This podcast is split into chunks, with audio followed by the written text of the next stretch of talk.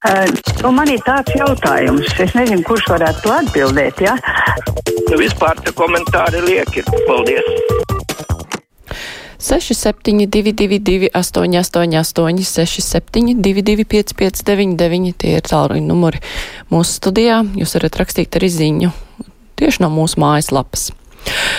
Klausītājs Jānis raksta, Putins tik ļoti baidās no NATO savā tuvumā, ka grib okupēt Ukrainu, lai tādējādi pats nonāktu tuvāk NATO robežām. Kur viņam loģika?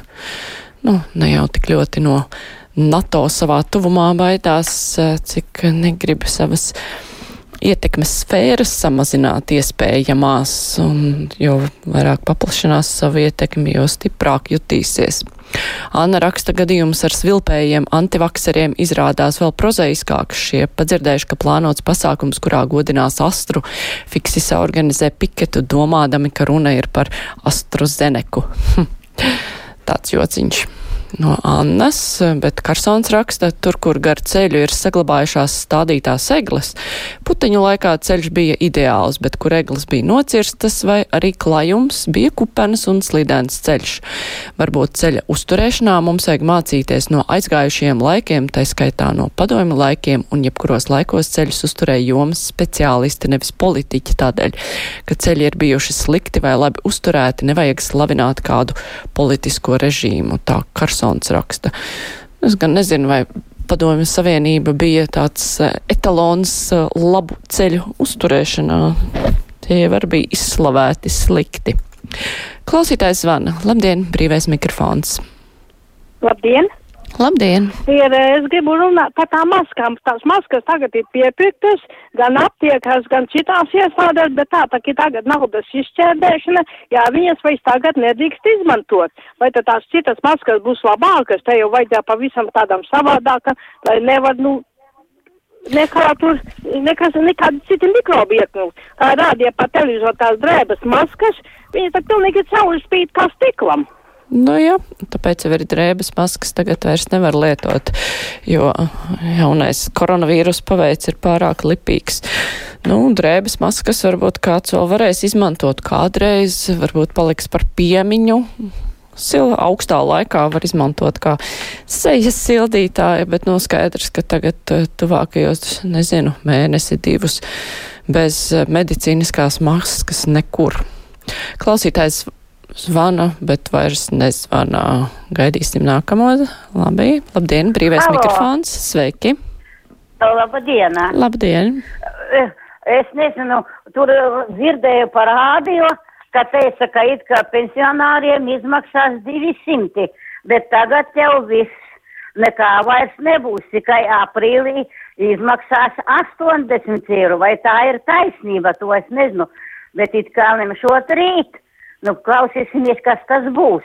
Un tad otrais jautājums, to es, protams, neesmu pati redzējusi, bet man te paziņa teica, ka it kā mūsu prezidents pie brīvas pieminekļa, kas ir gājis, nav noņēmis cepuri. Paldies! Jā, paldies. Nu, jūs visu, ko esat dzirdējusi. Par tiem 200 eiro nu, bija tāda ideja, ka varbūt vajag atkārtot to, ko pirms tam lēma, nu, kas bija pagājušajā gadā, kad pensionāriem izmaksāja 200 eiro ģimenēm, kurām ir bērni 500 eiro, bet eh, nu, šogad tā to neatkārtos, un tāpēc nolēma, ka 20 eiro mēnesī pensionāriem, lai kompensētu energoresursu cenu kāpumu. Tāpēc sanāk tur vēlāk kopā sarēķinot tie 80 eiro. Un par to prezidentu cepuri tas bija ne pie brīvības pieminekļa, tas bija atklājot Gunāra Astras pieminekli. Laikā, kad skanēja himna, prezidents nav noņēmis cepuri. Tur arī bija skaidrojums, kāpēc tas tā ir bijis. Klausītājs zvana. Labdien, brīvais mikrofons. Labdien! Labdien! Prieks dzirdēt Latvijā! Es te sestdienas vakarā gribu paslavēt Latvijas televīziju ar ļoti smuku izrādi. Kādam varbūt tās nepatika, skaitījās TV pirmizrāde Taņas dzimšanas diena. Labi izrāda par šiem laikiem. Tas ir tā kā trāpīts šīm nebūšanām Latvijā. Vai tie pionieru laiki, vai oktobra laiki, nu, tur tās viss tas bija kopā. Un tad, piedodiet, es ļoti atvainošos daudziem cilvēkiem, māmoļām un tētiņiem, kas ļoti slavē mūsu prezidentu, mūsu Bordānu. Tā kā viņi uzvedās, Levits kungs tika izsvilms, bet Bordāta kungs tiešām mani aizvainoja, ļoti necieņi izrādīja, kur bija policija, kāpēc nerīkojās. Šķiros par to atsapuri, bet te šī gadījumā, vai te Levits nav pārkāps kaut kādu konstitūciju, kādu piemēru var mācīt skolēniem ar šādu prezidentu. Man kauns par šādu cilvēku. Atvainojiet, lai viņš lasās prom, viņš necieņi izrāda tautu. Visu cieņu pārējiem, Dievs sveitī Latviju! Jā, paldies. Nu, konstitūcijā gluži nav ierakstīts, ka ir jānoņem vīriešiem cepura klausoties himnu, bet, nu, tā ir pieņemts. Tā pie mums ir pieņemts un tā parasti arī dara. Nu, jā, nu, jums ir arī droši vien jāapklausās prezidenta kancelē, skaidroja, kāpēc tas tā. Klausītājs zvana. Brīvais mikrofons. Labdien! Labdien! Man ir kauns par tiem pensionāriem, kas tik tiešām katreiz zvana, un viņiem ir slikti, un viņiem ir slikti, un viņiem ir slikti. Un vēl es gribu pateikt, ka pārpratāt jūs vienas zvanītājas teikto. Viņa gribēja pateikt, ka Krievu laikos bija jāstāv rindā pēc 200 gramiem sviesta, 100 gramiem desas, pēc kauliem, pēc, pēc zābakiem bija naktī jādīgs rindā, ja tev nebija blakus. Tagad tu vari ieiet veikalā, tu vari nopēt visu, ko tik tev vajag. Es nezinu, nu, kā var vēl, vēl, vēl, vēl nepārtraukti slikti, slikti, slikti. Un arī viens otrs tādi, kā piemēram Ikstens, te vienreiz bija tajā jautājumu, kur runāja divi, divi tādi labi kopti vīrieši. Un viņi ģirgājās, ka valdība ne tā, valdība ne šitā, valdība par lēnu un viņi bija aizmirstuši latviešu teicienu, vi, septiņreiz no, nomērīja un tad tikai griez.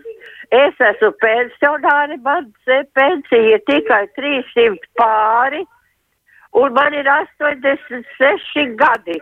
Un man ir kauns, es labāk gribētu, lai nākotnē, lai vairāk bērniem būtu, kas Latvijai ir nākotne, nevis tie, kam vajag jau uz vienu vietu posties. Jā, paldies.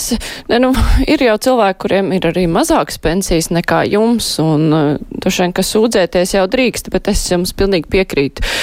Tā padomju laika slavināšana, ka tad bija labā, labāk un vieglāk un lētāk, nu, cilvēki vienkārši ir aizmirsuši, cik tad bija briesmīgi tās šausmīgās rindas. Atceros arī es, tas, ka nevarēja nopirkt apģērbu normāli arī, un Tas arī ir mīts, ka viss bija tik lēts. Jā, komunālē bija lēti, bet tāpat, lai apģērbtos, vajadzēja krietni samaksāt. Klausītājs zvana. Labdien, brīvais mikrofons. Halo! Labdien! Labdien! Esat Labdien, te? radio! Labdien! Jūs traucē no kurzemes? Jūs traucē no kurzemes? Jā. Jūs mani dzirdat? Dzirdam, dzirdam, no kurzemes jūs zvanāt, jā. Jā, gribu pateikt, ka e, biotopu kopšanas aizsegā notiek Užavas, e, Užavas jūrmalas mežā notiek kailcirte, elementāra kailcirte ar harvesteriem. Nu, un pēc tam paredzēts ir arī slītere, iebraukt ar harvesteru, un jo kokrūpnieki sūdzas, ja viņus nelaidīs aizsargājamos mežos, tad viņiem draud bankrots. Vai dabas draugiem nevajadzētu pa kaut ko darīt? Varbūt gobzems var nākt palīgā. Kur zemnieki viņu ienesīs uz rokām, ienesīs saimā? Jā, nu es nezinu, vai gluži gobzems ir dabas draugs, bet uh, dabas draugi jau, manuprāt, vismaz es lasīju medijos, par to jau bija cēluši traci. Jums arī vajag vērsties tieši pie vidas organizācijām, tad ar šo informāciju. Un, nu jā, un ziņot, lai tad, ja tur ir nelikumības, tad lai tās tiek novērstas. Sanita raksta Māra pēc kancelēs teiktā sanāk, ka prezidents ir gaišs reģis, jo himna skanēja pirms kāds tur sākas vilpot. Levits taču tevēja sev par tautas prezidentu, bet tik ļoti satraucās ieraugot pārdesmit sanākušos pasākumu apmeklētājus. Un, un vai cits klausītājs norāda, ka nav korekti vērst uzmanības prezidenta kancelēs skaidrojumu, ja zināms, ka himna skanēja pirms svilpšanas, tātad satraukums prezidentam varēja rasties tikai pēc tās. Nu, kancelēs skaidrojumu katrs var izvērtēt, novērtēt, vai šķiet pamatots vai nešķiet pamatots. Un, nu jā, un paust savu attieksmi. Klausītājs zvana. Labdien, brīvais mikrofons. Uh, halo, labdien. Labdien. Uh, nu šeit no augšēniem zvana.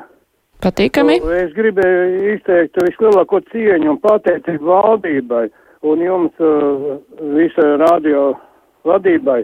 Un tiešām paldies un, un prezidentam un pa visu paldies. Tiešām liels paldies jums, jā, par darbu. Un lai jums visiem jauka mīļa diena.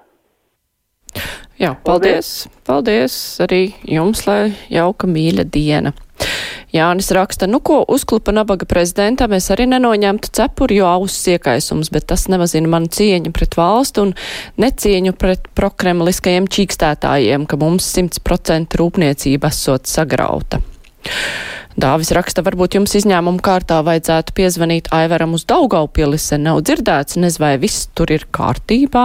Nu, mēs parasti nevienam nezvanam gan. Klausītājs zvana, brīvais mikrofons, labdien! Halo! Labdien! Var runāt, jā?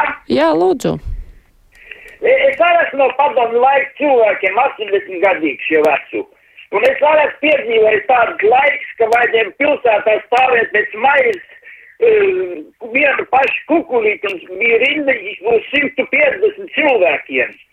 Un tu nemaz to vienu kukulī tikai varēja dabūt. Un tad, tad atkal brauc mājā un brauc otru dienu atkal pēc tā kukuļa. Tā arī bija. Bija gan bija, un cilvēki ņēma bērnus līdzi, un pēc tam dažreiz aizdeva citiem bērnus, lai vairāk var dabūt, ko nu tur kādas preces tur parasti deva uz galviņām. Vēl klausītājs zvana brīvais mikrofons. Labdien! Labdien! Labdien! Es piedāvātu steidzīgi visiem Latvijā, sākot ar pirmā personu, nožēlot grēkus, lai nenāktu liels dievs sots pār visu Latviju. Jo netaisnība, kas visapkārt ir un ko mēs uz soļa redzam, Dievs to visu skatās un to redz un pilnīgi steidzīgi visu situāciju, kas, kas ir apkārt, lai nenāktu tiešām pamatīgas biesmas par Latviju, sākot ar pirmo personu. Jā, paldies. Nu, jā, nu, katrs to var darīt, kuram ir tāda iekšēja vajadzība. Jūs arī. Savukārt Ingrīda raksta, labdien, gribu aizstāvēt prezidentu. Tādā agresijas atmosfērā bija neiespējams saka, saglabāt mieru. Viegli ir komentēt no malas. Tā raksta Ingrīda, bet ar to arī brīvais mikrofons izskan. Tagad būs ziņas, bet pēc tam mūsu lielā intervija ar Eiropas parlamenta deputātu Robertu Zīli. Tagad ziņas.